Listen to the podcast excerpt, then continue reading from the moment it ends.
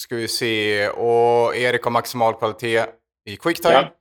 Ja. Eh, Mattias har, kör Audacity, så det är lugnt. Ni alla Mm. spelar in, jag spelar in. Eh, bra! Så! Strålande. Ja. Strålande.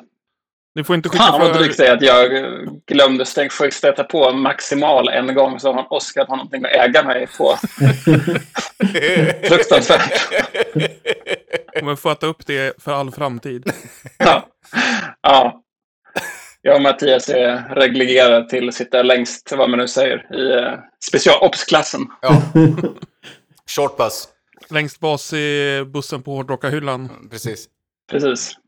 Var det järntrusten Precis. som, dina, eh, som din lärare sa, Johannes? På gymnasiet? Eh, ehm, intelligensreserven kallade jag och Superpedagogen. Mattias. Det är jag, jag och Mattias med den här poddens hjärn, eller intelligens. Vad var det? Intelligensreserv. Intelligensreserv. Ja. Det var innan Ehm. skolan började curla eleverna. Det heter ju, det är ju passivt aggressiva byråkratspråket inom eh, Försvarsmakten. Man kan ju, eller jag vet inte, nu när vi inte... Vi har allmän värnplikt igen, man kunde ju hamna i utbildningsreserven. Just det. Typ, Jag du, är där. dålig för du är för dålig för att göra lumpen, men om ryssen kommer Mm. så kan du få vara med och dö. Ja. ja, ja, jag hamnar ju där. precis. Ja, jag med. Alltså, Ja, det, det, det, alla som inte gjorde lumpen hamnar väl där? Per automatik, eller? Aha. Ja, om du Ja, inte, då var jag där också. om du inte vapenvägrar. Ja, precis. Det gjorde jag inte. Jag vet att jag, jag fick på hem ett brev där det stod att jag var intellig- liksom und, hade undermålig intelligens. Oj. Det är bra. Ehm, Ja, så det är bra. Det, det finns i ett arkiv någonstans.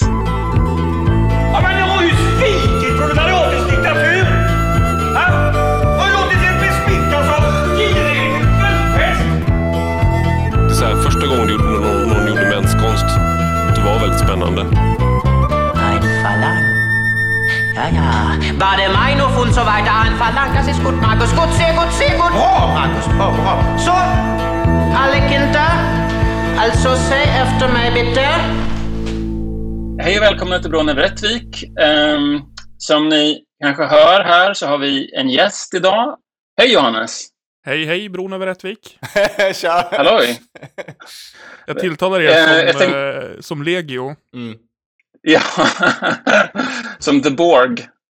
För att tala Oscarspråk. Mm. Ehm, men eh, Johannes, kan inte du eh, lite kort bara berätta för eh, lyssnare vem, eh, vem du är? Ja, jag vet inte vad, vad som är relevant för podden så. Jag är ju gammal vän med er alla sen en sådär 25 år ish. Mm. Mm. Ja, Eh, det är det som, viktigaste. som 90% av alla era gäster så eh, känner ni ju mig från eh, rollspelskonfirmation. Ja, Och, det är sant. eh, det är sant. Deprimerande och sant.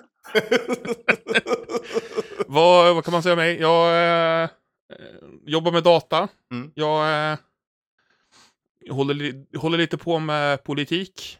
Eh, håller lite på med nördgrejer. Eh, skjutvapen. Spel och så.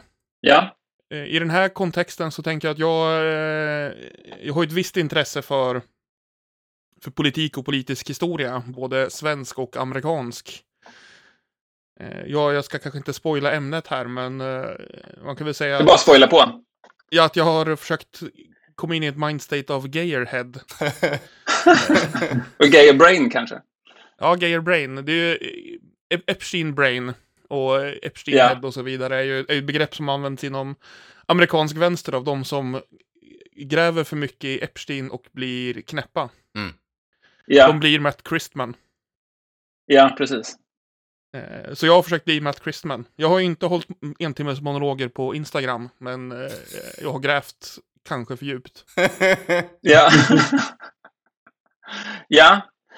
Det är nämligen så att det vi ska, det vi, idag ska vi, ehm, vi ska prata om ehm, den svenska, om eh, bordellhärvan. Också känd som Geijeraffären. För det är, ju, det är ju nämligen så att i, som Johannes säger, så i amerikansk, eh, ja, vad man nu säger, dirtbag-vänster, så har det ju snackats mycket om Epstein och eh, internationella pedofilnätverk sedan Epstein då, citattecken, dog. Ehm, eh, lite hipp som happ eh, när han satt i arresten. Ehm, och, ehm, och då så tänker jag, har vi väl tänkt så här att det är ju kul med häftiga amerikanska pedofiler men, och pedofilnätverk. Men faktum är att som svensk så, eh, så kan man ju ändå, ha en, kan man ju ändå känna en viss stolthet över att vi hade ju en egen Mm. eh, Epstein-liknande skandal på 60 och 70-talet. Ehm, som också involverade statsministrar och eh, pers- personer i ledande ställning i samhället. Eh, och det är ju möjligt att man inte är medveten om det. Så jag tänker, det är det vi ska prata med idag. Yes. Yes. Eh, Finns det någon eh, mäktig kapitalist i den svenska härvan eller är det bara politiker? Jajamän du Mattias! Oj Ja. vad vi ska komma till det. Jajamän! Ja. Oj du! Det, Det är så jävla roligt när man, när man läser så här. eh, Det finns ju en massa anti-sosse-sajter som, som skriver om det här. Eh, och de försöker få det att framstå som att det bara är sossar. Men sen är ju halva, hälften av personerna de tar upp är ju olika så SAF, SAF eller Svenskt Näringsliv-lobbyister och så vidare. Eh, som också då presenteras typ som sossar, vilket de naturligtvis inte är. Men det, ja, det finns ett helt gäng mäktiga kapitalister och eh, högermän i den här härvan också. Man får, ju, man får också ha i åtanke att eftersom det är i Sverige så är det ju lite mindre, lite bondigare. Ja, Liksom, det finns ju ingen, eh, det finns ingen Lolita Express, utan eh, eh, två telefoner i en lägenhet. Liksom. Det är en, man får justera skalan efter Ja. eh, storhetsvansinne Sverige. Ja. Men, och, men anledningen till att vi tänker att anledningen till att vi tar, tar upp det här, det är ju att vi har ju redan eh, i ett tidigare avsnitt börjat, eh, börjat eh, titta lite på det här. Vi har ju, gjorde ju ett avsnitt om filmen Miss and Mrs Sweden.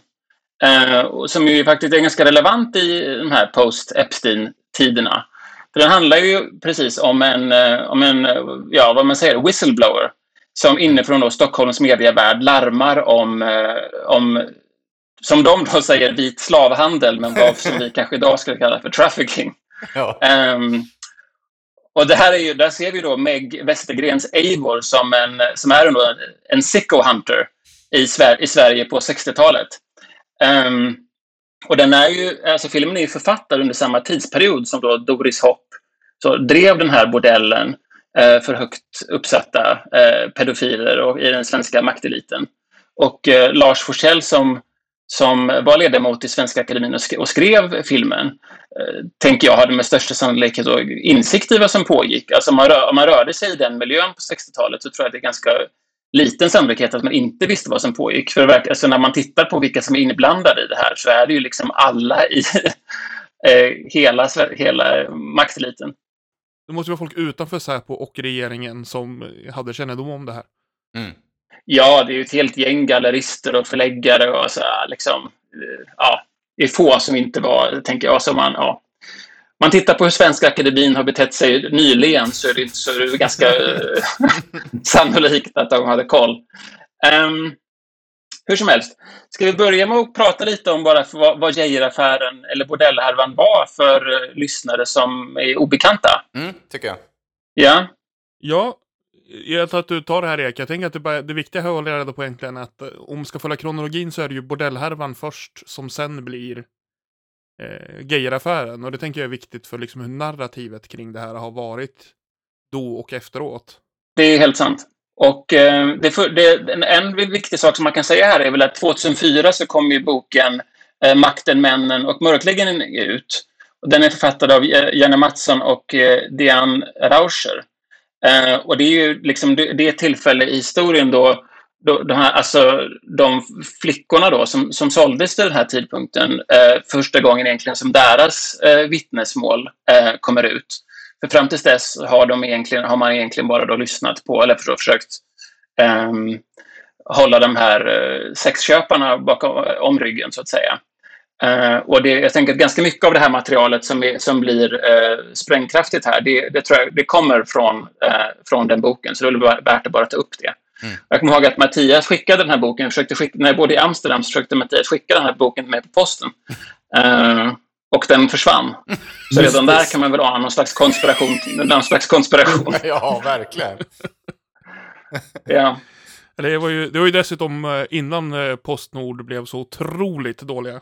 Ja, det, här var ju, det här var ju dessutom, tror jag, statligt postverk eh, 2004, gissar jag att det var. Mm. Jag kommer inte ihåg. Jag vet inte när det försökte. Men så det kan vi, redan där kan vi ana en... Eh, Det gör det ju betydligt mer ögonfallande. ja, precis. Det, det Eh. ligger eh, i något eh, låst skåp på justitiedepartementet nu. Precis. Precis. Svensk och Det är nederländsk. inte diariefört. Men, men däremot kan Leif GW Persson uttala sig om innehållet i det. ja.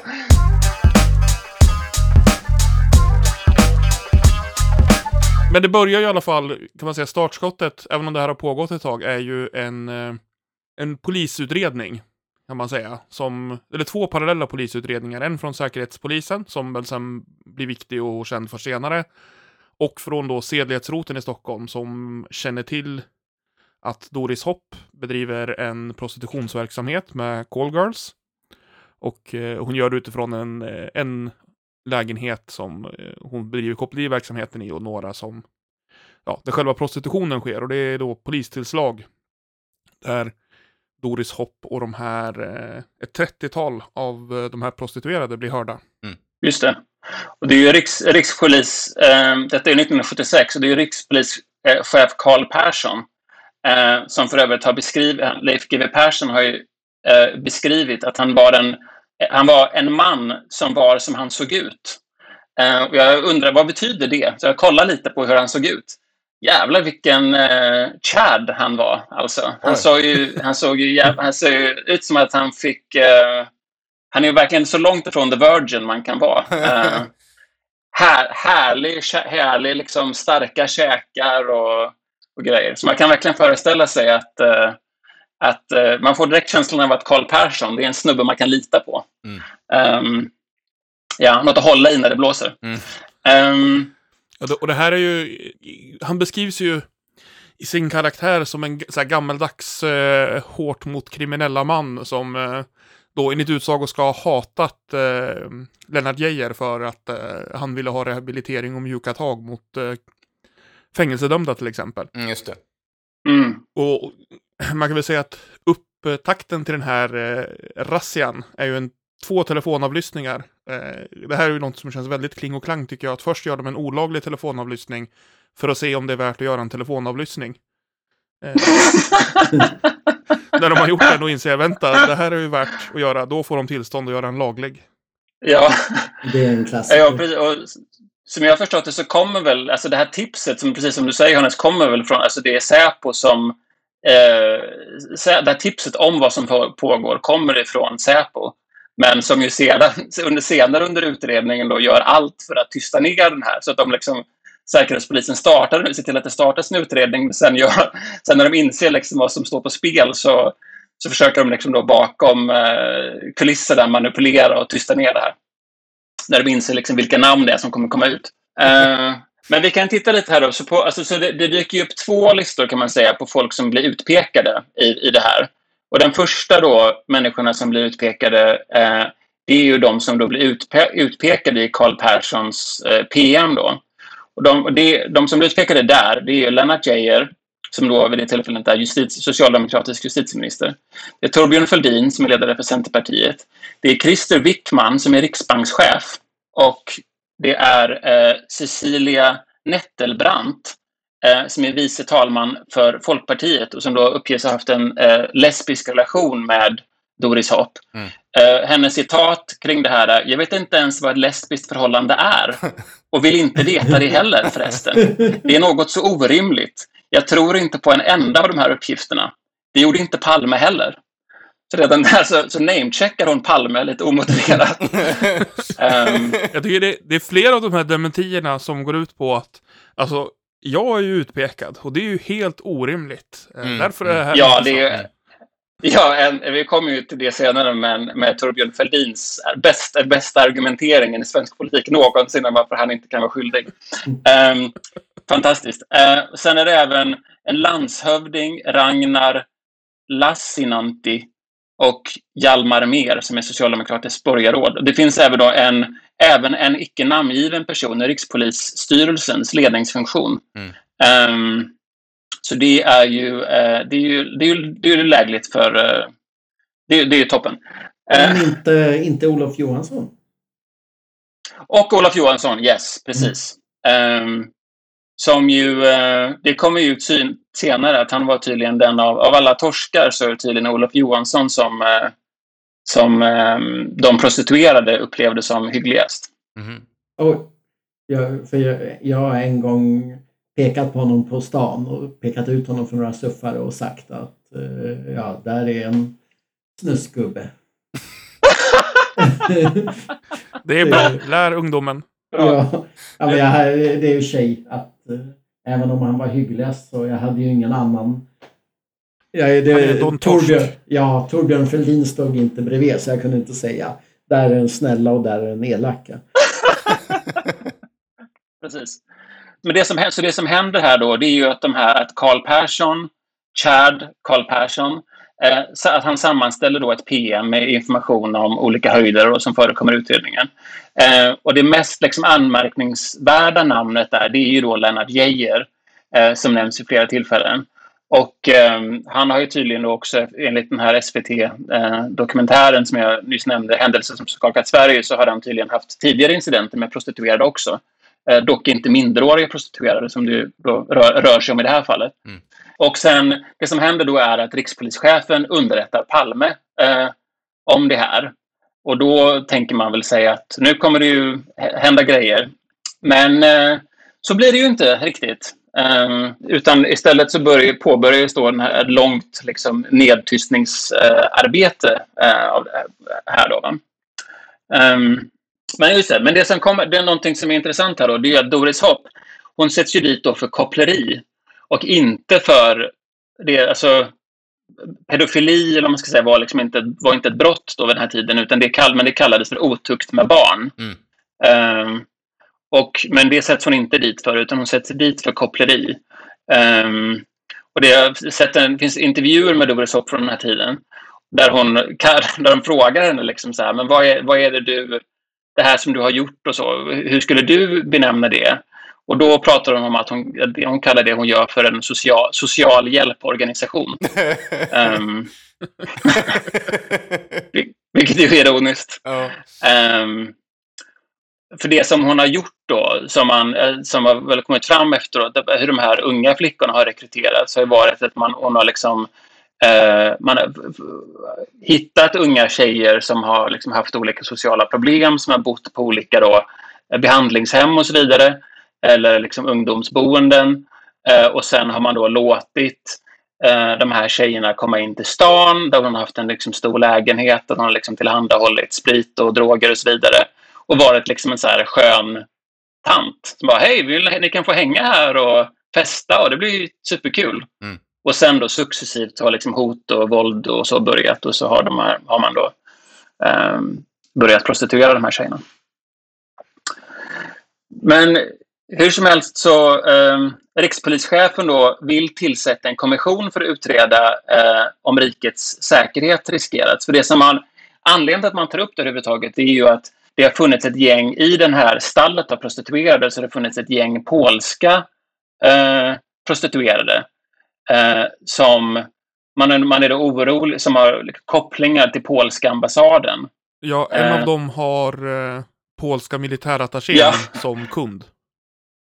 Vil- Vilket militärattaché i, alltså i diplomatiska termer så kan man ju bara utgå från att alla som är någon slags attaché som inte är, eh, vad ska man säga, ambassadören kan man ju räkna med är någon slags säkerhetstjänst. Så det, är- Ja. det är ju liksom inte en lite lös antydning utan det får man ändå, alltså en, en prostituerad som jobbar med eh, vad man får anta är säkerhetstjänst från främmande makt i Warszawapakten. Det, jag, jag, jag, jag förstår att man inte tänker på det som något man bara låter, eh, låter slide. Nej. Nej. Hon är Mitt under som... eh, brinnande kalla krig. Nej. Hon är som Jennifer Lawrence i, vad hette, vad hette, vad hette den här filmen? Med Red Gud, Sparrow? Red? Sparrow. Den är så otroligt Just- dålig. You sent me to horse school. Det, Precis ja, så Jag har ju inte pratat med någon av de här tjejerna, men vi får anta att det var så det gick till. Mm. Ja.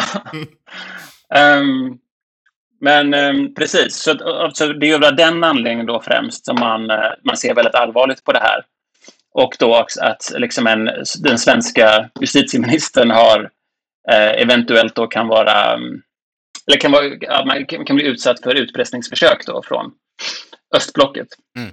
Eh, men hur som helst, om man vill tillsätta en kommission då för att utreda det här. Eh, Palme avvisar det förslaget. Han tänker att eh, han, han kan, det här tar jag hand om själv, ser du. Det är som i Kenny Starfighter när, de, eh, när polisen, när de har, Kenny har kraschat och de ska försöka få tillbaka rymdbussen eller vad det är. Ja, det här tar jag hand om själv, ser du. Eh, men i alla fall. Palme eh, ska ta tag i det här själv och ber då samordningsminister Thage G Pettersson eh, får i uppdrag att sköta det här lite diskret. Och eh, här så eh, dyker det upp ett par, ett gäng då personer, eh, så, eller eh, ett gäng då poliser eh, tillsätts då för att, för att hantera det här. Nu citerar jag här från, eh, tror jag, från boken, eh, eller jag citerar från en, från en bloggpost där jag läste det här. Eh, bästa källorna.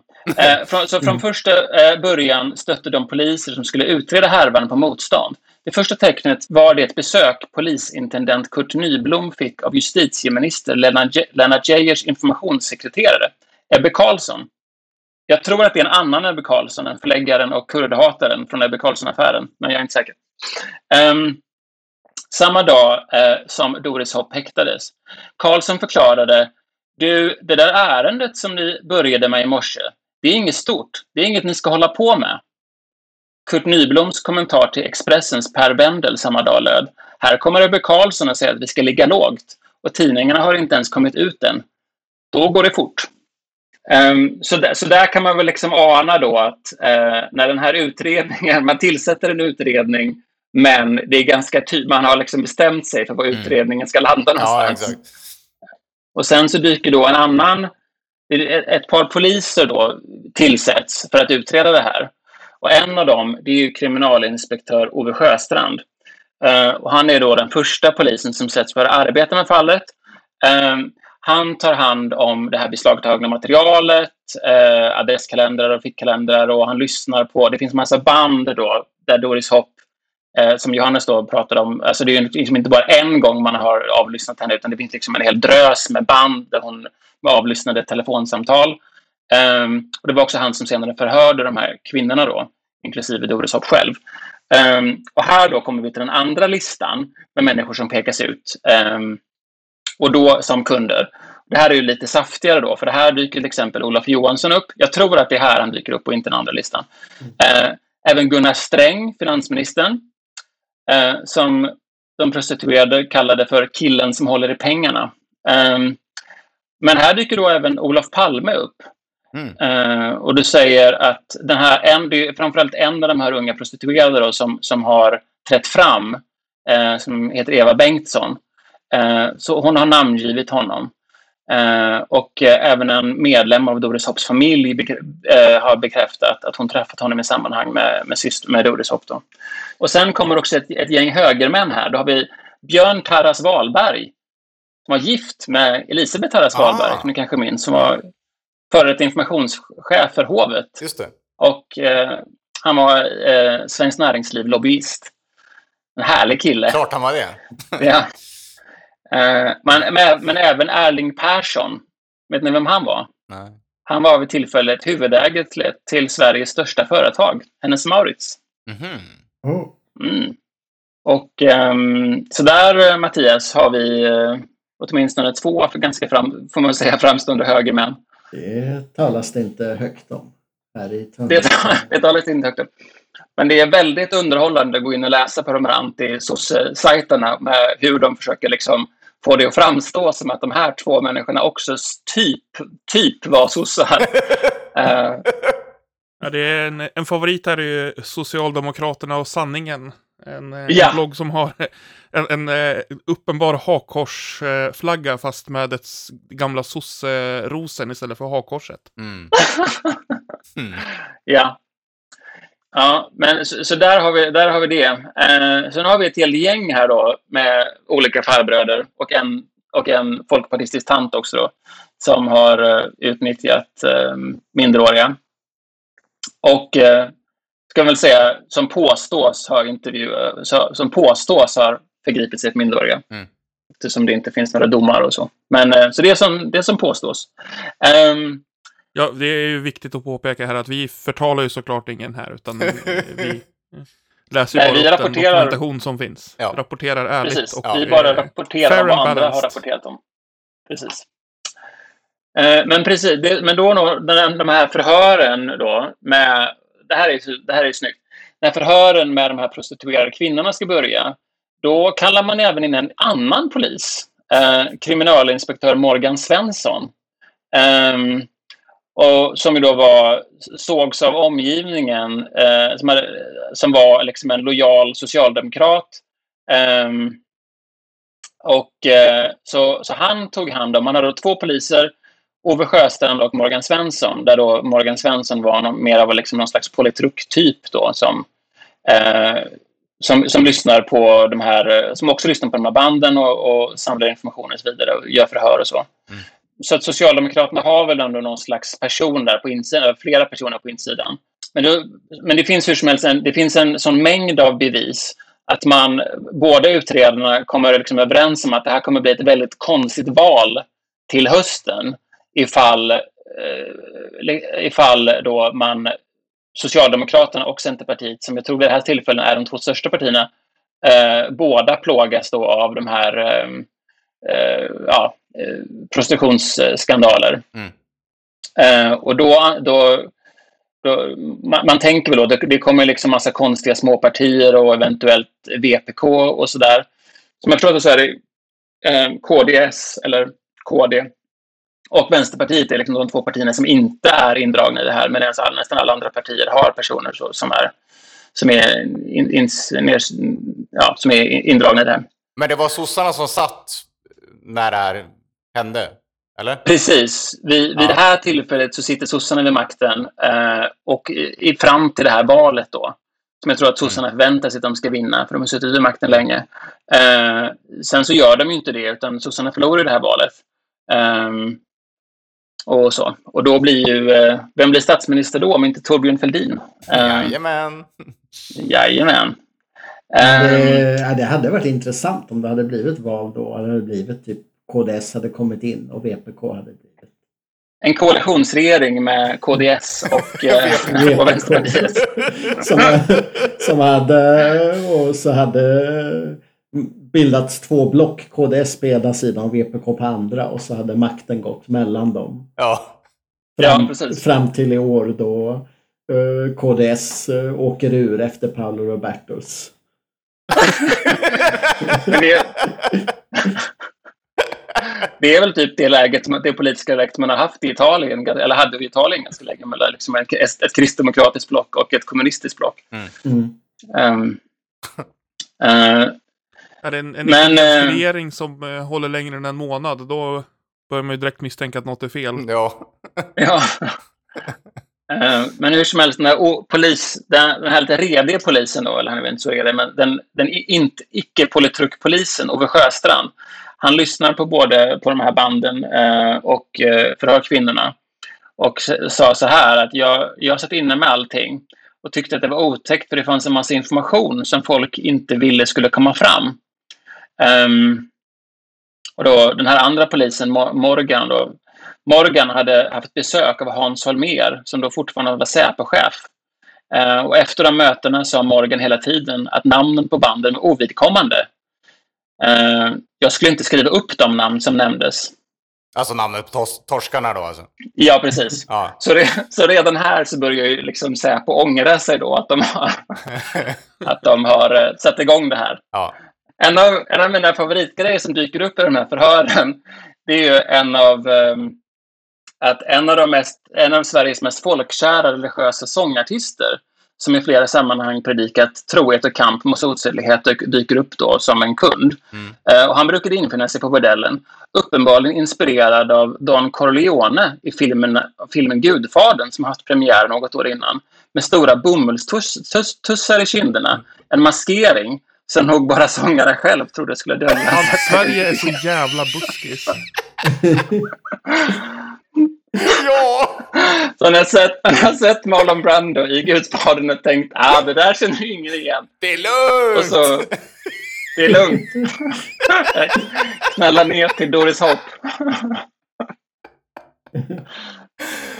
Eh, det är fantastiskt. En annan grej som jag tyckte var roligt med de här eh, telefoninspelningarna, det Ove, han Ove Sjöstrand pratade ju om, eh, om hur eh, Doris Hopp då, hur han tyckte att hon pratade så med lätthet om sex, eh, ungefär som att om hon skulle prata om mat. Att det var lika viktigt med bra sex som med bra mat. Och då tänker jag bara på Dick Vases Samlag eller salighet, där han liksom matar in det här mantrat att så här, i, i förhistorien så var det så här, man skulle ha, man skulle ha mat och dryck och man skulle, skulle ha sex. Det var lika självklart med sex som mat och dryck. Det återkommer liksom och på hans rundvandringar och allting sådär också. Det ja, eh, som någon slags eh, argument för att, eh, det var inget konstigt för dem. Ehm, Nej. Men nu däremot, en, eh, nu Där har däremot. vi ju en annan koppling. Han åkte ju ut eh, ur politiken på grund av en annan pedofilskandal. Ja, just det. Just det. När han hävdade att trafficking inte finns och att eh, incest är ganska soft. Ja. Ja, När han var på Piratpartiets riksdagslista. Det var han inte så länge efter det. nej. Han borde ha varit eh, sosse, folkpartist eller centerpartist på 70-talet istället, så hade det varit inga problem. Shit, då hade Ehm. Dick Wase varit minister. ja. Ja. Justitieminister Dick. Eh. Ehm, Det var ju ungefär det. GG vill ju genomdriva, eh, ta bort förbud för incest och så. ja. ja, Den här precis. eh, sexualbrottsutredningen. precis. Ja, och det, och det var sådana här äh, specifika saker som att eh, han ville avkriminalisera att lärare hade sex med sina elever. Och specifikt sänka eh, åldern eh, för sexdebut från 15 till 14. Oj. Ja, det är Ja, väldigt ja, ja. specifikt.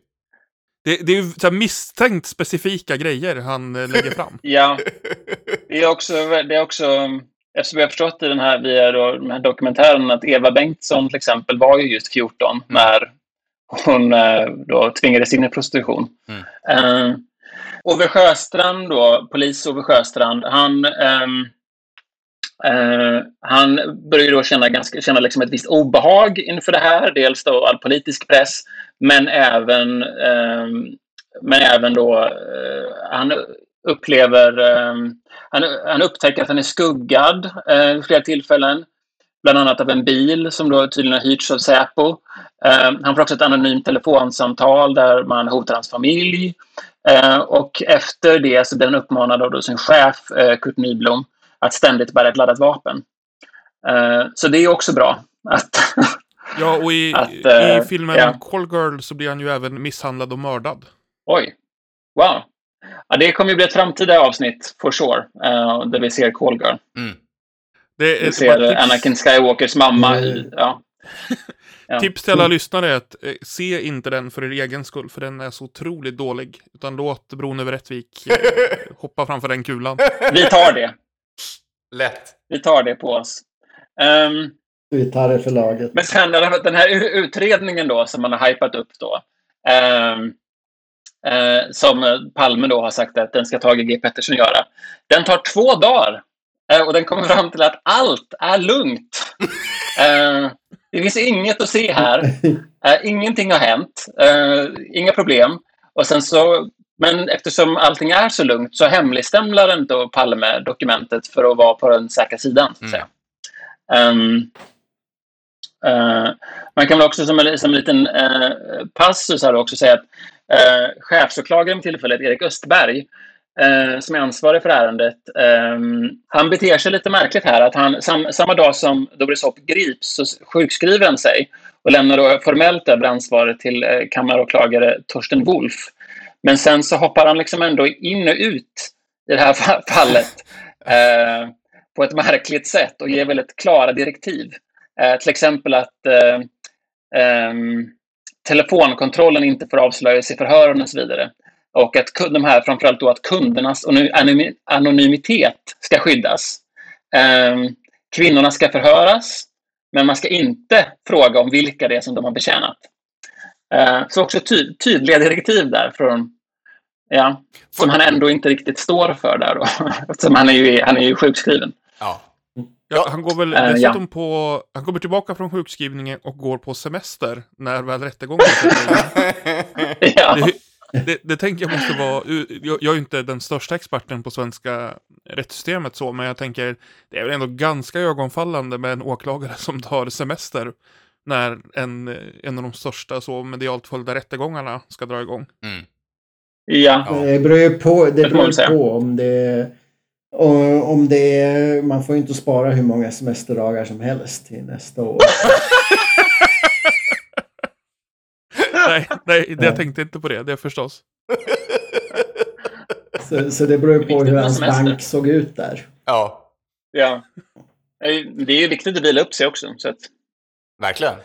eh, ja, Det hålla är, stressnivåerna ner och så vidare. om man inte blir Eh. sjukskriven.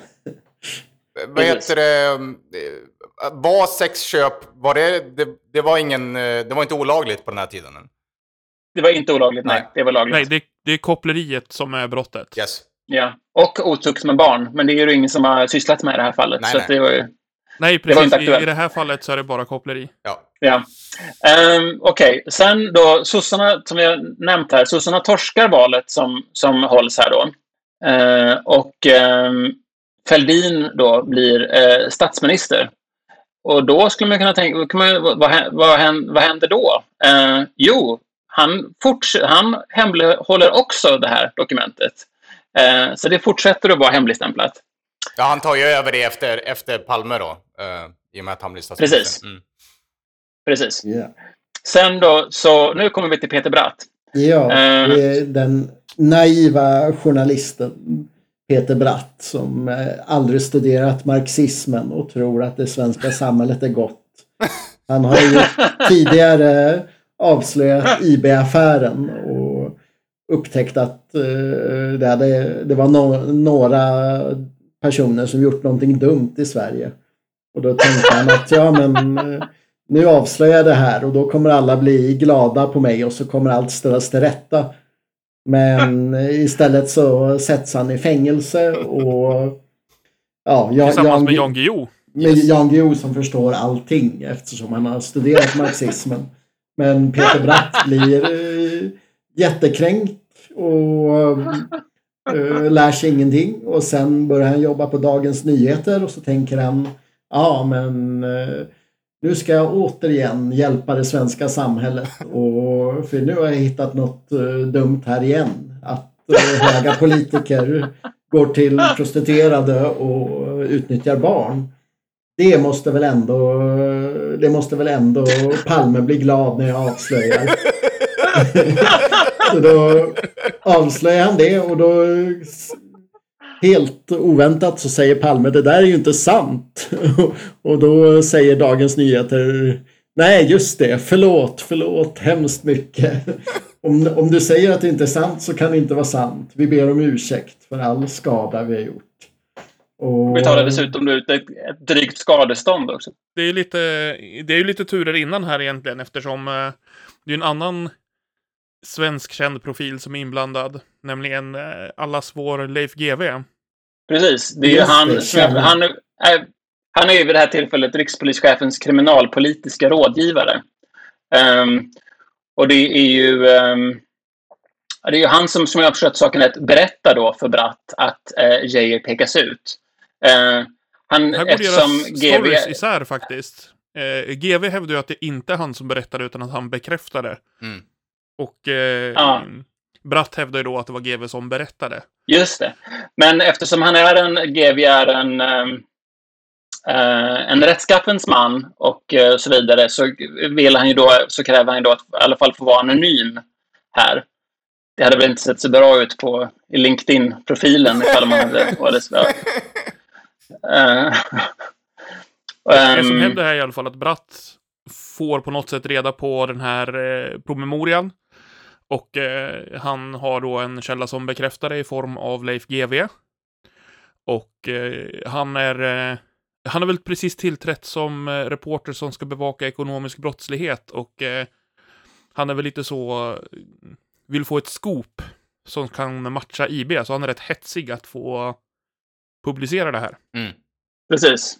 Men gör det då med en artikel med massa fakta, eller en del faktafel då. Alltså att man har, han har liksom blandat ihop några årtal hit och dit och det är en del personer som... Alltså det, det finns liksom ett, ett gäng liksom, egentligen mindre konstigheter i den här artikeln som ju då liksom sossarna eh, får liksom ammunition då att attackera honom och DN, precis som Mattias säger. Ehm, och gör då att DN blir tvungna att dementera, inte bara de här faktafelen, utan de, de dementerar allt. Mm. Och betalar då dessutom ut ett skadestånd, ett stort skadestånd. Eh, som jag minns rätt, eh, jag har inte det i mina anteckningar, men eh, att Lennart Geijer, eh, tror jag, instiftar någon slags eh, eh, Stipendium för grävande Geijer- journalistik. Precis. får, tvingar DN att starta en stiftelse. Han försöker verkligen vara petty liksom. Ja, men det är ju ändå någon slags alfa-move ändå. Och jag, alltså det är ju, han spelar ju ett högt spel där, Geijer. Ja, ja. Får ändå, det får man ändå ge honom. Men han är ju strategisk för att han, eh, för han, väljer, han stämmer dem ju inte personligen. För han vill liksom Nej. inte att det ska bli någon slags undersökning om det här, utan det här är ju bara Nej. någon slags eh, pressetisk pudel de gör som eh, med den här utbetalningen och så. Precis. Till, till stiftelsen. Sen, sen så går det ett par år. Um, och sen så sänder, men folk fortsätter väl ändå luska lite i det här. Och sen så sänder SVT ett program, eh, Studio S, eh, som riktar uppmärksamhet mot det här fallet. Det blir väldigt, väldigt, väldigt uppmärksammat. Eh, alltså det är väldigt konstigt att det blir uppmärksammat för att alltså jag har tittat på det här och de pratar så långsamt. Det är så tråkigt det här jävla programmet. Det är helt omöjligt att ta sig igenom. Det, Det, ja, det, då- faktiskt då- en incident emellan eh, Pudlingen och Studio S här. Och det är Ja, ju att ja. Jan Guillou får för sig att eh, hela bordellhärvan är påhittad av Just, ja. eh, Karl Persson på grund av Karl Perssons hat mot eh, Geijer för hans eh, slapphänthet mot kriminella. Ah, Att det här är någon Okej. slags politisk move. Och eh, han lyckas ju då få Peter Bratt att gola ner GV som källan. Eh, Ah. Och ska skriva en artikel för Aftonbladet. Men eh, Aftonbladets chefredaktör är ju sossepolitruk och vet ju att eh, den teorin är inte sann, så det kan de inte trycka. Så han ringer upp GV och säger Jan Guillou kommer ringa dig. Eh, vi kommer aldrig trycka den texten. Eh, du behöver inte vara orolig. Och sen ringer Jan Guillou upp honom och ska försöka så göra ett gotcha moment när GV bara, är du, det blir inget. Men um, Fälldin, efter det här då, i alla fall, så då blir det ju ett nytt rabalder då. Och Fälldin lovar att bringa klarhet i det här. Eh, han bekräftar PMet, men avfärdar innehållet. Eh, och går upp i talarstolen i riksdagen. Och, och det, här är, liksom, det här är ett av de bästa argumenten i ja, svensk politisk historia. Jag kunde på, då säger han så här. Jag kunde på rak arm konstatera en direkt lögn. lögn.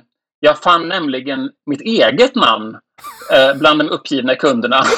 I- Palme levererar ju dessutom i, i, i samma eh, i samma interpellation så, så drar ju Palme den fantastiska förklaringen att eh, vi hemligstämplar det här för att det skulle bli alldeles för lätt att äga oppositionen ifall det här Precis. kom ut Ja. innan valet. Ja. Det har inget med oss att göra. Nej, nej. Pre- Precis, Palme säger uppgifterna förefaller visserligen inte särskilt troliga. Men om de kom ut i en valrörelse skulle det ha stor politisk sprängkraft. Vi, vi bedömde det så att Fälldin i valrörelsens slutskede inte skulle ha en chans att värja sig mot beskyllningarna och rykten, hur ogrundade de än var.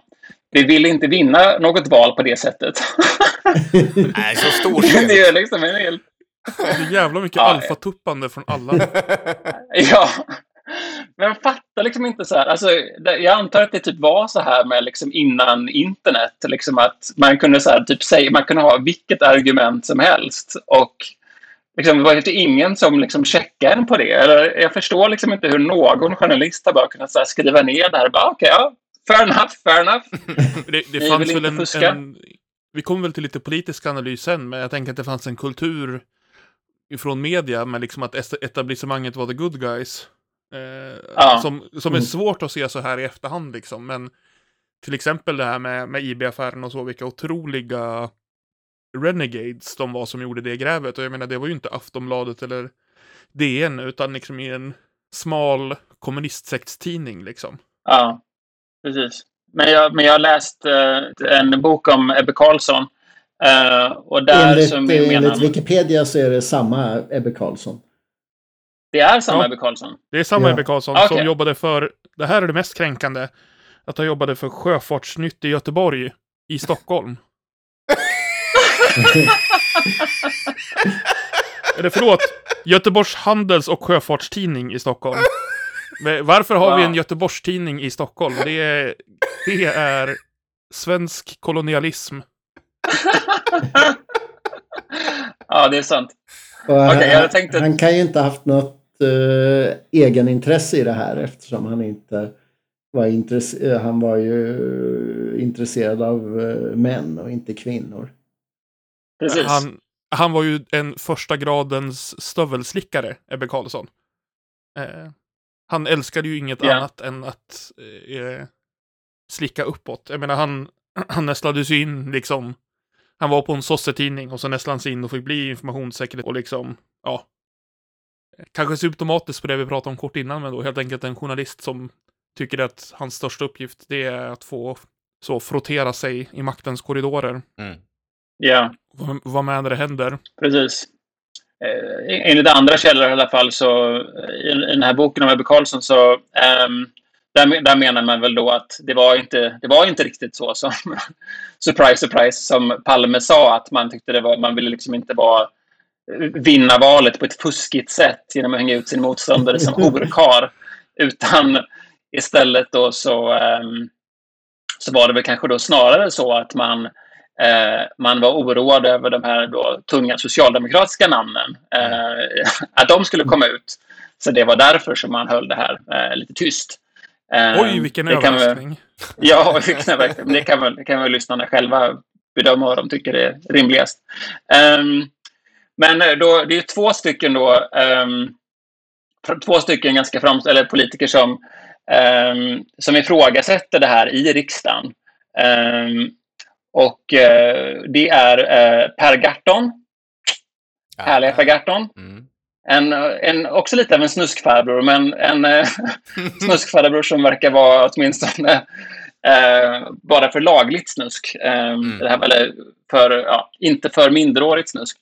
Eh, och VPKs Jörn Svensson. Det är liksom de två som, som liksom ifrågasätter i riksdagen, det här hemlighetsmakeriet. Men, men eh, resten eh, kör på. De två enda som inte finns i någon av de här listorna. Ja, precis. Och sen då Carl Persson, eh, Chad Carl Persson, han, blir liksom, han får ju ta skit för det här då. Att man liksom får det att framstå som att det här är något som han har fabulerat, hittat på och så vidare. Så det han gör är att han, han ber eh, justitiekanslern bedöma om han har handlat fel. Ehm, då. Det är liksom det enda han har kvar att göra på något sätt. Att så här, ja men okej, ni säger att jag ljuger, men ja, då får justitiekanslern kolla då, har jag gjort det eller inte? Mm. Och, Det är också en väldigt alfa-move att anmäla sig själv. ja. ja, det får man verkligen säga. Eh, av alla som förekommer det här så är det Karl Persson som definitivt eh, står ut som någon slags uh, Sjöwall Wahlöö-hjälte i det här på något sätt. Ehm, en man, rättskaffens man i en rust- rutten kår och så vidare. Uh, justitiekanslern säger att han har handlat korrekt. Eh, så Karl eh, Persson får rätt eh, av justitiekanslern. Ehm, Karl Persson skriver ju sina memoarer som har också ett väldigt alfanamn utan omsvep. Ehm, han skriver en fråga som kvarstår. Om nu Olof Palme verkligen ansåg att promemorian var att beteckna som strunt, vilket påstås ha bekräftats av Holmers utredning, vart tog den då vägen? Varför avskrevs då inte ärendet genast och arkiverades i vanlig ordning? Istället låstes handlingarna in i ett kassaskåp på statsrådsberedningen och överlämnades till den nya statsministern Torbjörn Fälldin under högtidliga former i ett förseglat kuvert med ett särskilt kvitto. Varför denna behandling av strunt och skvaller? Mm. Nice. Mm. Det är bra att de har ett särskilt kvitto för det jävla sosse-Sverige på något sätt. Att de har ett kvitto för det här hemliga dokumentet. Är det här vi ska klippa in eh, Palmes försök till en så skön West Wing eh, one-liner när han säger Snus är snus och strunt är strunt, om än i polisiära promemorior. Det är den enkla sanningen. Det känns verkligen som att man hör hur han ler och tycker han låter cool, men han låter verkligen inte cool. Nej. Nej, men alltså det är ju fler, jag tycker det är flera sådana här liksom grejer med Palme där, där han liksom uppenbart ljuger. Det är ju den linen, och som han men också faktiskt ändå levererar med någon slags så här, inte, vid den tiden i alla fall, så här, trovärdighet eller liksom bara kaxighet liksom, som jag det gick väl hem liksom. Den, dels den linen eh, och sen också med, i- med, i liksom IB-affären så eh, att eh, grupper med eh, anlag för paranoia lever högt på att eh, klaga på Säpo, eller vad det nu han säger. Ehm, Det, eh, det är och, ju helt otroligt att han hade liksom en karriär, fortsatt karriär efter det här och blev statsminister igen. Det är ju någon slags, ett- det är ju, säger ju ett kvitto på hur otroligt untouchable liksom korrupta politiker är och var. Ja, Ja. ja. verkligen. Eh, hur som helst då, eh, 15 år senare, efter allt det här härliga, så, ehm, så där, precis, det här, det, här för, det här försvinner. Alltså, eh, eh, Carl Persson, justitiekanslern, säger väl då att han har handlat korrekt, men eh, all uppståndelse försvinner kring det här. Eh, men 15 år senare så eh, hävs hemligstämpel på, den här, på Carl Perssons promemoria. Eh, och då eh, med SvD skriver att eh, Olof Palme ljög om bordellaffären. Um, också sådär historisk headline. Ehm, och sen... Vid det laget så ehm, hade ju Palme blivit mördad och helgonförklarad. Så då, Precis. då var det ju omöjligt Precis. att kritisera honom så sätt. Precis. Eh, och sen då Ove Sjöstrand, ehm, eh, som vi pratade om här eh, tidigare. Eh, polis Ove Sjöstrand. Han kommer ut 2007 och eh, avslöjar ehm, att eh, han 1976 i sitt hus utanför Arboga förstörde stora delar av förhörsmaterialet, inklusive olika bandinspelningar. Han sa då att jag satt uppe en natt och matade pannan med alla de där pappren. Några av namnen har aldrig offentliggjorts. Det är väldigt känsligt. De tar jag med mig i graven. Så tack, Ove Sjöstrand, för uh, thank you for your service. Ja, verkligen. Ehm, och sen, det sista i alla fall som jag har här liksom i handlingsförloppet, eller man ska säga då, det är ju att Eva Bengtsson, då, som är en av de här tjejerna, försöker få upprättelse 2007. Ehm, och då, när dåvarande justitiekansler Göran Lamberts, ehm, som är bekant från Sture Bergvall-affären, eh, Jag är känd för att han är he- helt inkompetent och vansinnig, men fortsätt. Precis, känd för att alltid ha rätt. Eh, han eh, bestämmer sig för att, eh, för att lägga ner det här. Eh, och säger då att det finns inte nog med, finns inte nog med bevis och så vidare. Eh, utan det här tycker jag vi lägger ner. Eh, och då har hon eh, levt med det här i 30 år. Eh, Jag tänker att Så- Lamberts säger att det här inte var något är ju i sig ett bevis för att det har hänt och ja. ja. Ehm, och eh, Eva Bengtsson då säger eh, eh, i den här... Um, säger då att jag, är, jag är trött på att känna skuld. De lät männen komma undan och vill, nu vill jag upprättelse för det. Jag vill ha en ursäkt och ett skadestånd. Jag vill ha slut på det här. Jag vill kunna leva vidare. Man har glömt bort oss. Man har inte velat tala om den här historien. Jag vill att staten ska be mig om ursäkt. Jag vill också att Torbjörn Fälldin ska be mig om ursäkt. Han är den enda kunden som fortfarande lever. Ehm, och ehm, ja, Torbjörn Fälldin avled ju sen 2016.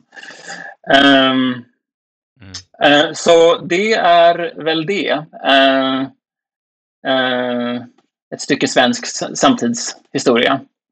Vi kan, vi kan in- inflika en till fotnot här och det är ju att GV blev ju faktiskt eh, så bränd att han fick sparken. Eh, och skrev då sin debutroman Grisfesten som släpptes 78. Just det. Som av en Precis. slump handlar om en justitieminister som besökt prostituerade och ertappats med det. Precis.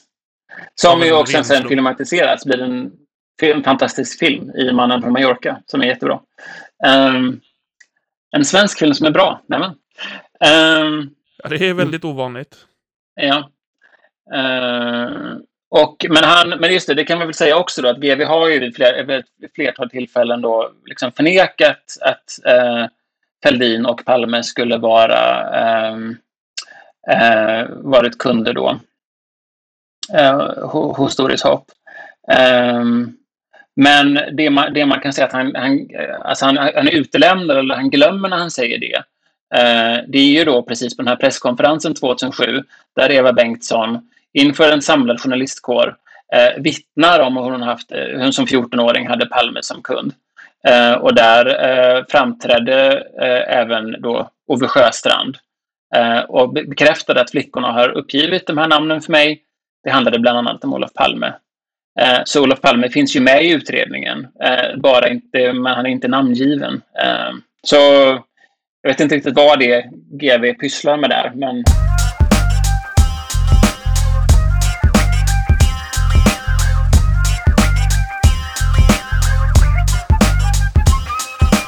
Jag tänkte vi, vi skulle också kunna prata kanske om lite kopplingar då man kan göra lite jämförelser kanske mellan eh, eh, mellan det här eh, fallet eh, och eh, Epstein-affären. Eh, för det finns ju en del, finns en del likheter.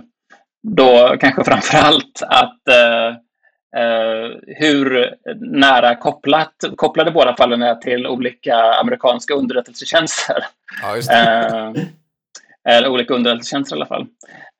alltså Palme det kom ju fram ganska nyligen, som jag minns det i alla fall, att Palme var informatör åt CIA och lämnade ut mm. olika vänsteraktivister och så. Det har ju Jan Guillou skrivit om också. Um, och när, de, när man grep, när Epst Jeffrey Epstein greps i, i USA Eh, eh, första gången, då ehm, eh, Alex, Alexandra Costa som var som var åklagare vid det tillfället blev tillsagd att Jeffrey Epstein tillhörde Eh, belongs to intelligence eh, och gav honom ett lindrigare straff. Eh, och man kan väl också prata om Robert Maxwell som var som israelisk spion som var pappa till Ghislaine Maxwell som är ja, Epsteins flickvän under många år. Som, um, ja, som också då involverad. Jag skulle säga enligt många vittnesmål hans partner in crime. Ja, precis. Så det finns väl, det är väl inte liksom bara eh, ett gäng politiker som har tallat på småflickor utan det är, är väl också så att det finns en koppling till olika underrättelsetjänster eh, här. Men jag tänker det finns, det finns liksom ett konspiratoriska spår, det finns helt icke-konspiratoriska spår och de som ligger liksom lite mittemellan. Ja. Jag tänker att det går ju, det går ju en, en läsning av eh, till exempel då eh, Epstein-affären är ju liksom att han agerat direkt i säkerhetstjänstintresse. Och det halvkonspiratoriska yeah. är väl snarare att han då har gjort andra saker åt dem och därför skiter de helt i eh, ja, hans eh, mer tveksamma agerande när det gäller småtjejer. Ja. Och här tänker jag då om man drar parallellen till, till Palme och, och, och Geijer-affären, liksom att det inte det är ju inte nödvändigtvis så att Palmes kopplingar till, eh, ja, till exempel då främmande maktsäkerhetstjänst i form av CIA är en direkt påverkan på att han gjorde det här. Men däremot så kan jag inte tänka mig att de inte känner till det. Om det skedde. Och säkerligen eh, glatt sopade det under mattan så länge de hade en eh, lydig samarbetspartner i Rosenbad. Mm. Precis. Mm. Precis. Um, Ja. Men eh, de hade kunnat använda det när han gick i anti-Vietnamkrigsdemonstrationen väl? Ja, Eller fast, så gjorde alltså, han det. det var ju väl mest spel för gallerierna. Han höll ju på mm. med liksom sälja kanoner till eh, Kashmir och tillåta amerikanska ubåtar på svenskt vatten samtidigt. Ja. Jag vet inte hur stor, om det var särskilt stor diplomatisk kris för USA att liksom ledaren i ett litet skitland i Europa gick i en demonstration. Nej, jag vet inte vem det är som har... Jag, vet inte, jag, tror, jag tror att det är Jonathan Unge som ett tillfälle har pratat om när han var besökte så här, eh, Vietnam, eller krig, krigsmuseet i Vietnam och hade liksom förväntat sig att så här, det skulle vara stora planscher på Olof Palme överallt. eh, så det är liksom den, den, svenska bilden av hur liksom viktig Palme var. Eh, i, men liksom, så var det naturligtvis, det finns naturligtvis inte en enda plansch på Olof Palme. Men, ehm, eh, men eh, ja. För det, det tänker jag också säga någonting om. För det finns ju en underton i, i båda de här Epstein och, och Geiraffär-historierna kring makt. Och, och vad makt tillåts och tillåter göra. Och att det är skillnad, tänker jag, på materiell, reell makt och maktutövande och eh, sånt som är spel för gallerierna och mer eh, vad ska man säga, mer överbyggnad än bas. Och där tänker jag en sån sak som att gå i en anti-Vietnamkrigsdemonstration. Det är en sån grej som, som är väldigt eh, livsstilig och inte så materialistisk. Liksom. Det påverkar inget åt ändra håll, men det ser ut som en markering. Så ur ett liberalt perspektiv så är det någon slags maktutövande, medans eh, eh, det handlar om mer reell materiell makt med ja, sälja kanoner till Kashmir, eller för den delen den makt man utövar över de här unga tjejerna som utnyttjas Ja, i ja. beroendeställning. Ja, visst. Det är väl en annan eh, också att Epstein sponsrar massa politiker. Det är ett helt annat politiskt system. Att, eh, ja, att den individuella politikern måste, måste få pengar från Epstein-typer i USA. Medan ja, i Sverige så ger näringslivet pengarna till partierna istället. Eller Mm. skapar organisationer som stödjer dem. In, men de, det är inte individen Nej, men är man inte beroende av individuella finansiärer på samma sätt. Ehm, mm. Nej, men det är ju sant. Eh, Och där är ju då, Epstein har ju, alltså hans, hans, den profilen han försökte odla var ju som kultur och vetenskapsmecenat. Och om man ska göra en väldigt, väldigt tunn jämförelse till Sverige så har ju ändå sosseriet en sån roll i en svensk kontext liksom med eh, olika så kulturstiftelser och bidrag och liksom att saker är kommunalt och statligt finansierat. Så så sätt är det som inte en väldigt, väldigt tunn eh, tråd mellan Palme och Epstein. Ja. ja. Det är något man inte pratar om, hur ABF har... Nej, jag skojar. Um, en, en, märk, en av de märkligaste sakerna med hela den här historien, tycker jag, det är ju liksom hur i då liksom den stora svenska liksom kriminalromanen, eh, eller i senare tid i alla fall då, Leif GWs eh, undantaget, men i ju, ju Stig Larsson-böckerna då, som ju precis handlar om män som hatar kvinnor och trafficking och så vidare. Men där, hur det här då, det finns ju, det är ju ett gäng karaktärer i, i den som är liksom baserade på verkliga personer. Bland annat då Paolo Roberto, som är ju aktuell.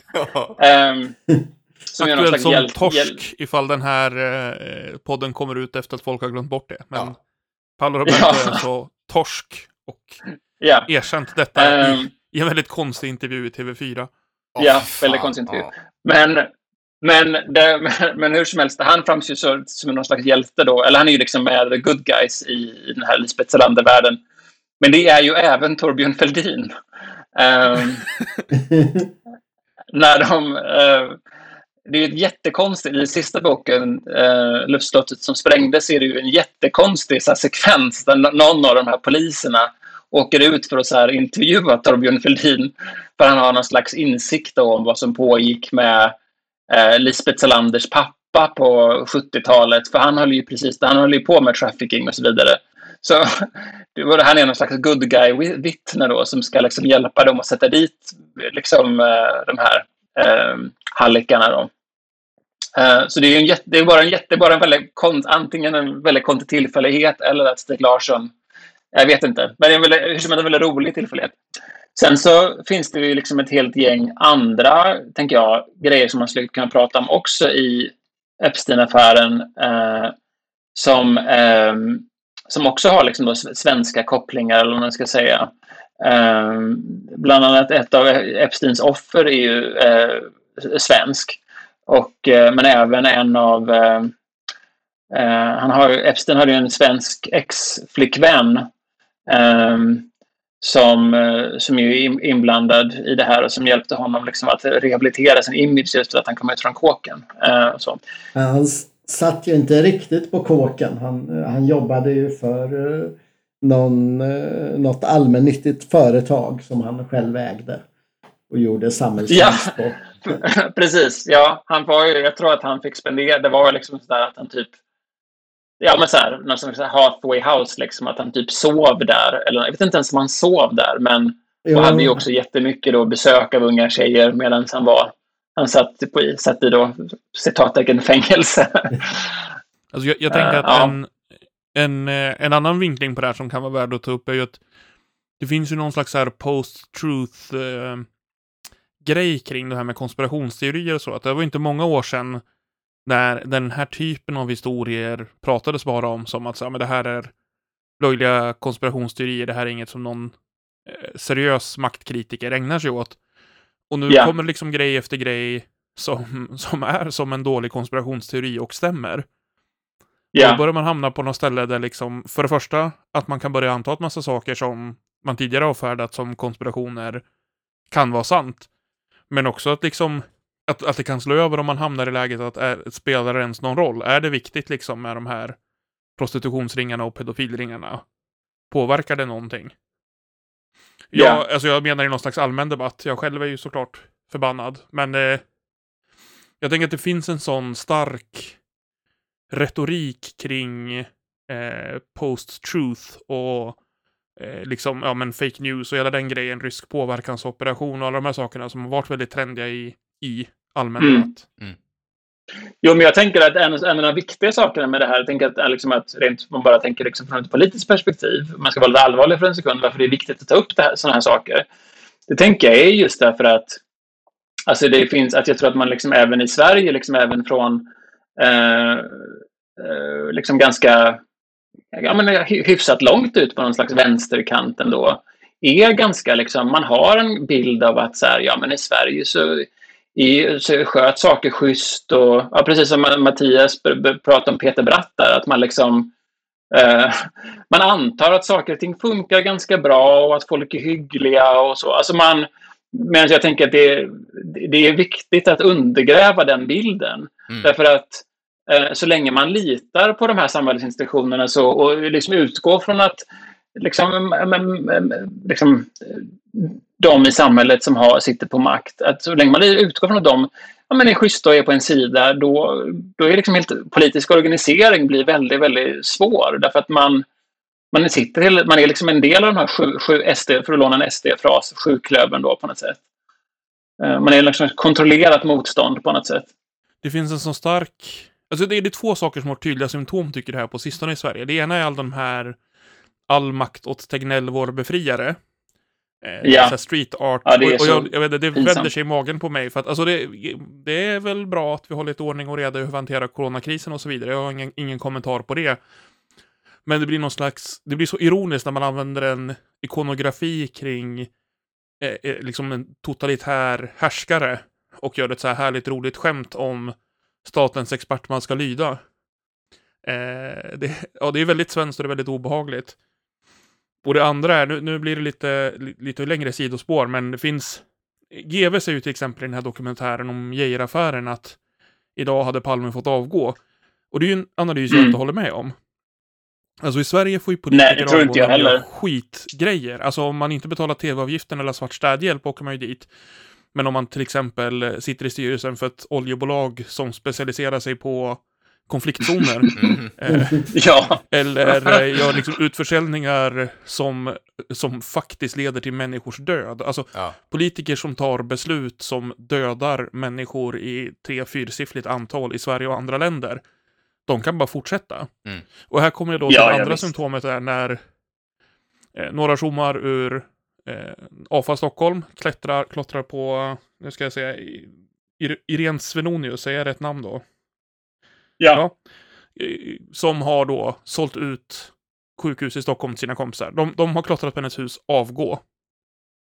Och det här anses ju liksom i den offentliga debatten vara ett mycket värre brott än hennes liksom politiska handlande som leder till människors lidande och död. Mm. Det är Ja. liksom, eh, det, det, om man bortser från vad man tycker om, om AFA eller liksom rättspraxis och så, utan bara tänker sig, vad är det moraliskt korrekta? Alltså, att en mobb dyker upp, liksom en mobb utförsäkrad dyker upp till hennes hus och bränner ner det. det hade man ju kunnat tycka var liksom poetiskt eller moraliskt försvarbart.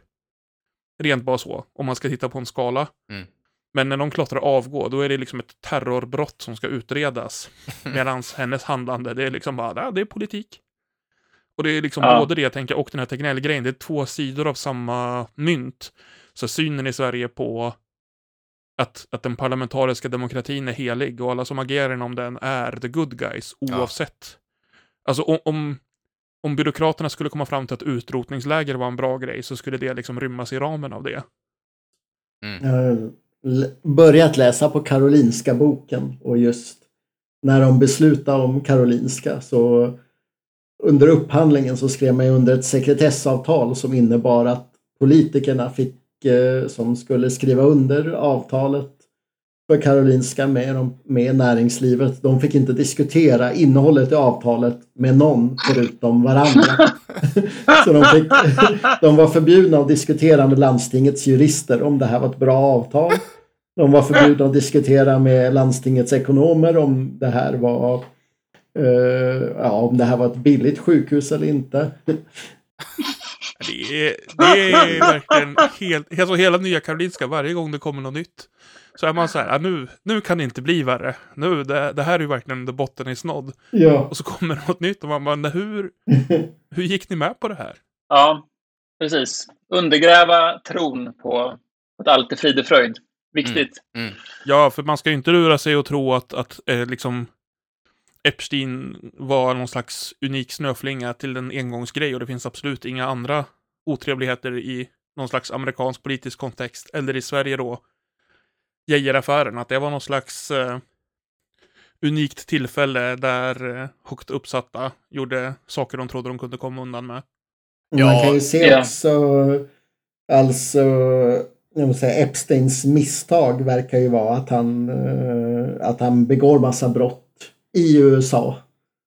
Eh, Och det behöver han ju egentligen inte göra utan han kan ju eh, han kan ju förlägga alla sina brott i eh, ja, han har ju någon paradisö och Ja. Alltså miljardärer har ju, de har ju sina i, i Dubai eller i något skatteparadis. Ja, all, all, alla, all skit som de gör där, där ingen alls kommer åt dem. Mm. Precis. Ja, sen oavsett om, eh, liksom, om det har med på, om det är en politisk skandal inkopplat på det hela eller inte så är det ju så, är det ju så att äh, vet du, det, här med unika snöflingor och så, alltså eh, Folkhälsomyndigheten, när man pratar om det, de gjorde en stor undersökning eh, om eh, sexuell och reproduktiv hälsa eh, 2017. Där kom de ju fram till att 9% av svenska män har köpt sex någon gång. Ehm, så det är en, en av tio svenska män har ju, är ju torska liksom. Ja. Ehm, Jag kan, eh, den som vill eh, den som vill gräva i ett mörkt hål där kan ju kolla upp eh, Shit Torskar SES 3.0 och Inte din hora på Instagram. Mm. Som då drivs av Ja, det, prostituerade i Sverige. ja, det, vet du, det var liksom, jag tänkte att när man, när man börjar läsa om det här materialet som vi har pratat om, då, det är ju väldigt mycket liksom så här, det är lätt att hitta då olika vittnesmål från de här prostituerade. Eh, från Doris Hopps eh, ti- tid då. Mm. Eh, och det, jag tänker, det valde jag valde vi utlämna det för att det, alltså det här är ju menat att vara det här är ju menat att vara underhållning främst. Eh, Bron över etik är menat att det var kul. Mm. Och det var, jag vet liksom inte hur man skulle kunna göra det kul därför att det är så fruktansvärda historier. Um, så ja, det, det är inte menat att inte liksom, låta de här rösterna komma fram utan det är bara ja, någon slags respekt för, um, för, ja, för de här offren. Då. För att, ja, nej, fy, ja, fy fan. Mm. Det är också, det är ju också så att eh, om man tittar i, i Epstein eller Geijer-affären så är ju inte Alltså offren är ju inte så representerade. De får ju inte komma fram så mycket. Och, Nej.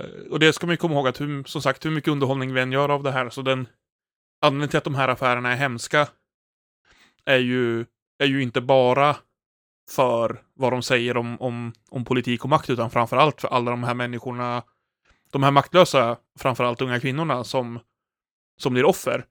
Ja, Alltså de, ja visst. det, det är ju det som möjliggörs av den här maktfullkomligheten, eller som, som Palme sa, maktens arrogans. Liksom. Det är ju de som hamnar i köttkvarnen och inte, eh, inte får någon upprättelse sen.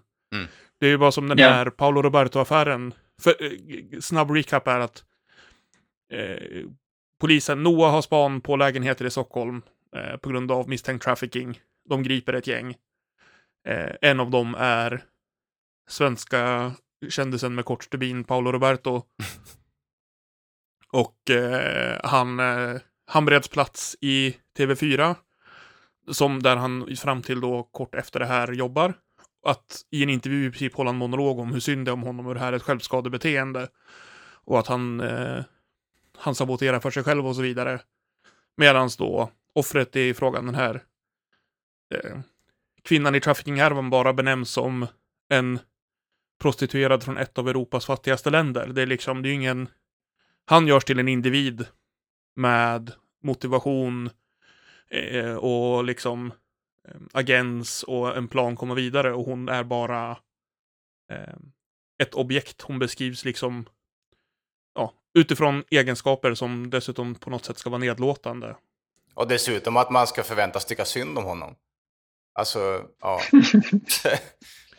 Ja, det är helt sjukt. Men, men jag tänker att det är ju en parallell, det är ju samma berättelse. Alltså berättelsen om Epstein är ju inte berättelsen om hans offer, utan det är ju berättelsen om han och hans tokiga hijinks liksom. Och Geijer-affären handlar ju, även här när vi pratar om det, så handlar det om nedtystandet och, och politiken runt omkring. Och det har ju, det har ju säkert att göra med, vi är ju säkert påverkade också såklart, men det har ju framförallt att göra med det underlag vi har. Alltså, det Mm. som nedtecknas och det som publiceras är ju historien om de med makt, inte de som drabbas av det. Mm. Ja ja men framförallt så är det ju så när man läser, liksom, när man sätter sig, alltså jag tänker att man har väl, eh, liksom, innan man sätter sig in i det här, så har man väl en bild, så här, ja, Geijer-affären, det var någonting med någon politiker, så här. men sen när man liksom läser om det här, sätter sig in i materialet, det är ju liksom, det är ju liksom helt vansinnigt vad de, eh, liksom, vad de här, liksom, hela, hela riksdagen sprang hos den här liksom, tokiga tanten som drev en bordell på Östermalm. Liksom så här, liksom vad, hur, hur tänkte ni här? Tänkte ni att det här inte skulle komma ut? Liksom vad...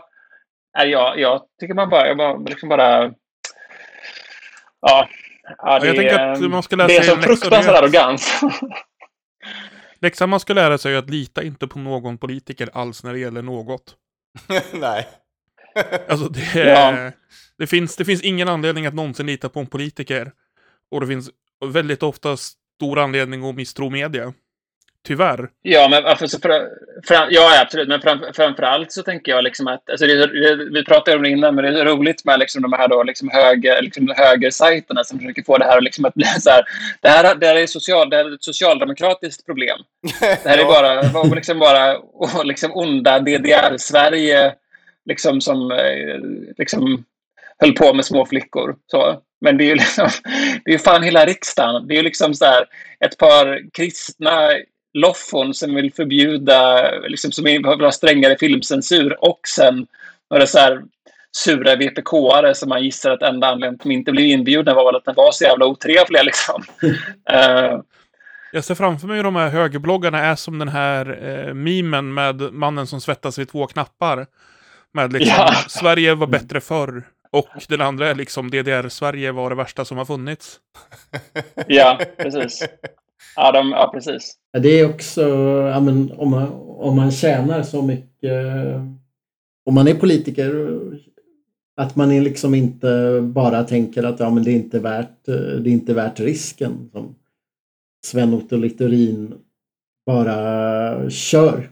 Ja, Det är väl den arrogansen helt enkelt. Alltså att, Mm. för jag menar du, om man, om de vore, om man inte vore arrogant, då skulle man ju satsa på att sitta i riksdagen i några år och få en enormt hög lön. Och sen tar man något anonymt konsultjobb på Prime eller någonstans och liksom tjänar 100 lax plus i månaden på det. Och lever ett gott lyxliv. Och då, när man inte är i rampljuset längre, så kan man göra vad fan man vill liksom. Nu, nu säger jag inte att, att någon av de här toppsossarna som inte är politiker längre och jobbar för Prime eh, håller på med prostitutionsringar och lite express, men de skulle ha all möjlighet att göra det.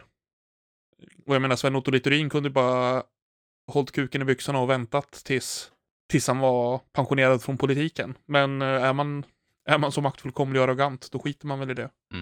Ja, det finns väl, det är väl också någonting som har diskuterats liksom, i Epstein-affären också. Liksom, att det finns också, tror jag, liksom, ett, ett, ett sätt att liksom, bli välkomnad in i att det liksom, att, att få ta del av liksom, den här den innersta makten på något sätt.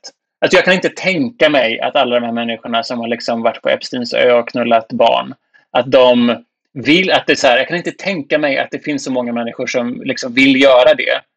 Men däremot, precis som att jag inte kan tänka mig att alla de här katolska prästerna som gjort samma sak, att det egentligen handlar om att de vill liksom, att de har begär att göra det. Utan jag tror att det handlar mycket också om att man, det är liksom en, eh, det, det, är, ett, det är som en slags invigningsritual. Att det, det är ett sätt att bli upptagen i den här innersta liksom, kärnan. Att man, man gör det därför att eh, det är ett sätt att bevisa någon slags lojalitet till den här liksom, exklusiva gruppen också. Um, Och jag tänker att för varje person som har begått ett övergrepp i Geijeraffären eller liksom mm, Epsteins eh, Lolita Express-resor så finns det ju hundra personer som har möjliggjort det. Och av dem så tänker jag att det är lite samma grej, att så här, jag får vara med i de här sammanhangen, då kollar jag inte så noga. Och jag tror Mm. inte att det är en medveten tanke att man tänker så här, oj, där är någon som förgriper sig på ett barn, det ska jag vara tyst om.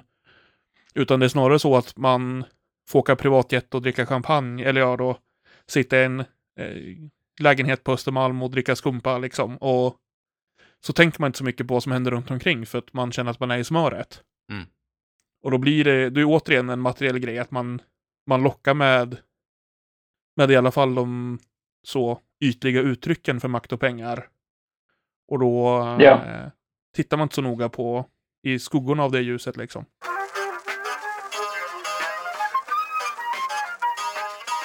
det blev inte ett så muntert avsnitt det här, hörni. Det blev inte så kul. Det, Ska vi, ska vi mena att vi ska växla över och ta en kul sån uh, nyhetstorka på sommaren uh, slutkläm? Ska jag göra som eh, Brand rekommenderar, att man ska vara lite lättsam. Ja, det, här kan, det här kanske är lite roligt ändå. Med, Ja. med hela Epstein-grejen. Jag har ju läst en bok av en advokat som har varit målsägande beträde för många av offren. Ja. Och då från början så var han ju en eh, ung eh, idealist som, ja, han hade en egen byrå ihop med sin sekreterare. Och eh, det var väldigt jobbigt att gå efter Epstein med, som hade alla de resurserna. Mm. Eh, Så ehm, och hela tiden bli, vart han än gick så blev han trakasserad av Epsteins eh, eh, privatdeckare och allting. Och, eh, Ja. Så då kände han att ja, men jag behöver lite cojones här. Så han kunde hoppa in i någon ny kaxig eh, advokatbyrå i, i Florida. Och eh, där kunde, ja, Epstein kunde inte bråka med dem för nu hade, det var en eh, stor byrå med flera miljoner och de hade mäktiga politiska kontakter och allting. Men, Mm. Men det var en ganska, det var ju en entreprenör som drev byrån som, ja, han kom till kontoret då och då full och sa och skrek åt alla, nu måste ni upp, upp och jobba, upp och hoppa här. Det här är inte stabilt. och, och, och då får han ju också fler. Alltså Epstein eh, gick ju fri från det första åtalet. Men eh, då kan man ju i USA driva civila skadeståndsanspråk mot, eh, mot rika människor som begår brott. Och eh, där, där kan man ju förlikas och om man inte förlikas så kan personerna slutligen, om man är Epstein, så kan det ju bli gigantiska summor de måste betala. Mm. Och ja, då, då jagar han Epstein i alla fall och, eh, och har jättemånga offer som han representerar. Och eh, den här uh, entreprenören som driver byrån, vid något tillfälle så uh, ja, så kommer han ner på kontoret och uh, är jättefull och säger ja men ja, vi, vi kommer nog förlika alla de här fallen nu så ta fram ett underlag på hur vi ska skriva förlikning. Och ja, då när, när rika människor förlikas i brottmål i USA då, då vill de ju inte ge alla pengar till brottsoffret i, i ett tjok. För då kanske brottsoffret eh, bryter sekretessen och tar pengarna och ändå berättar för all media vad som hänt. Utan då vill de ju betala ut pengar eh, varje månad för resten av personernas liv. Så att de har incitament att hålla käften. Så eh, ja, då han påstår att ja, men Epstein vill skriva sådana här avtal med alla. Eh, Så ta fram utkast för det. Och då tar han fram utkast för det. Och eh, den här um, entreprenören visar det för massa riskkapitalister som ger honom flera miljarder för de bara shit. Den här uh, eh, den här byrån eh, måste ju vara guld värd för all framtid. Så de sätter in flera miljarder på kontot där. Och så entreprenören mejlar ut alla advokater på byrån bara, ja, ah, en viktig juridisk fråga. Finns det något land i världen som inte har utlämningsavtal med USA? Dit en eh, ekonomisk brottsling skulle kunna bege sig. Och eh, byråns migrationsexpert bara, ja det finns ett land, Marocko. Eh, de har inte utlämningsavtal. Och sen eh, dagen efter så har ägaren till byrån flytt till Marocko med alla de här miljarderna. och sen veckan efter så får den här eh, stackars idealisten en privat stämning från Epstein där han anklagas för att vara en del av eh, det största skalbolagsbedrägeriet i världen. Och, Är det, är det han ja. som är det han som gör i... Det finns ju en, en fantastisk klipp där eh, de pressar Epstein i ett sånt civilt mål om eh, formen på hans penis. Just det. Ja. Eh, Är, det han som, är det han som gör det? Det är ett av de bästa Ja. klippen på YouTube. nej, nej, det är en annan advokat. Could you please give us your name? Jeffrey Epstein. Is it true, sir, that um, you have what's been described as an egg shaped penis? Form, vague, indefinite, and I'm going to give you the, the first warning, Mr. Coogan, that these types of questions are not only argumentative, but directed in a manner to embarrass uh, Mr. Epstein. If you continue with this type of question, I will adjourn the deposition immediately. Sir, according to the police department's probable cause affidavit, uh, one witness described your penis is oval shaped and claimed when erect it was thick towards the bottom but was thin and small towards the head portion and called it egg shaped. Those are not my words, I apologize. But as Mr. now adjourned. Ja, okej. Eh, men vi säger så, hörni. Tack för idag. Eh, jag tänker att vi återkommer säkerligen till det här ämnet eh, framöver. Tack så hemskt mycket till eh, Johannes eh, för att du var gäst. Det var jätteroligt att du ville vara med. Och ehm, ja, vi säger så. får ni ha det så bra, så hörs vi snart. Kram och puss. Hej. Hej, hej. Hej, hej. Hej då! Och, och vet ni, ska inte glömma att säga det. Stoppa in det för Ken Ring. Vad osmakligt det blir att säga Ja. det efter det här avsnittet. Ja, det kan vi göra. Ja, Mm. Vi gör det. Då säger vi som vi inte brukar säga här. Puss och hej. Så hej! Puss och hej.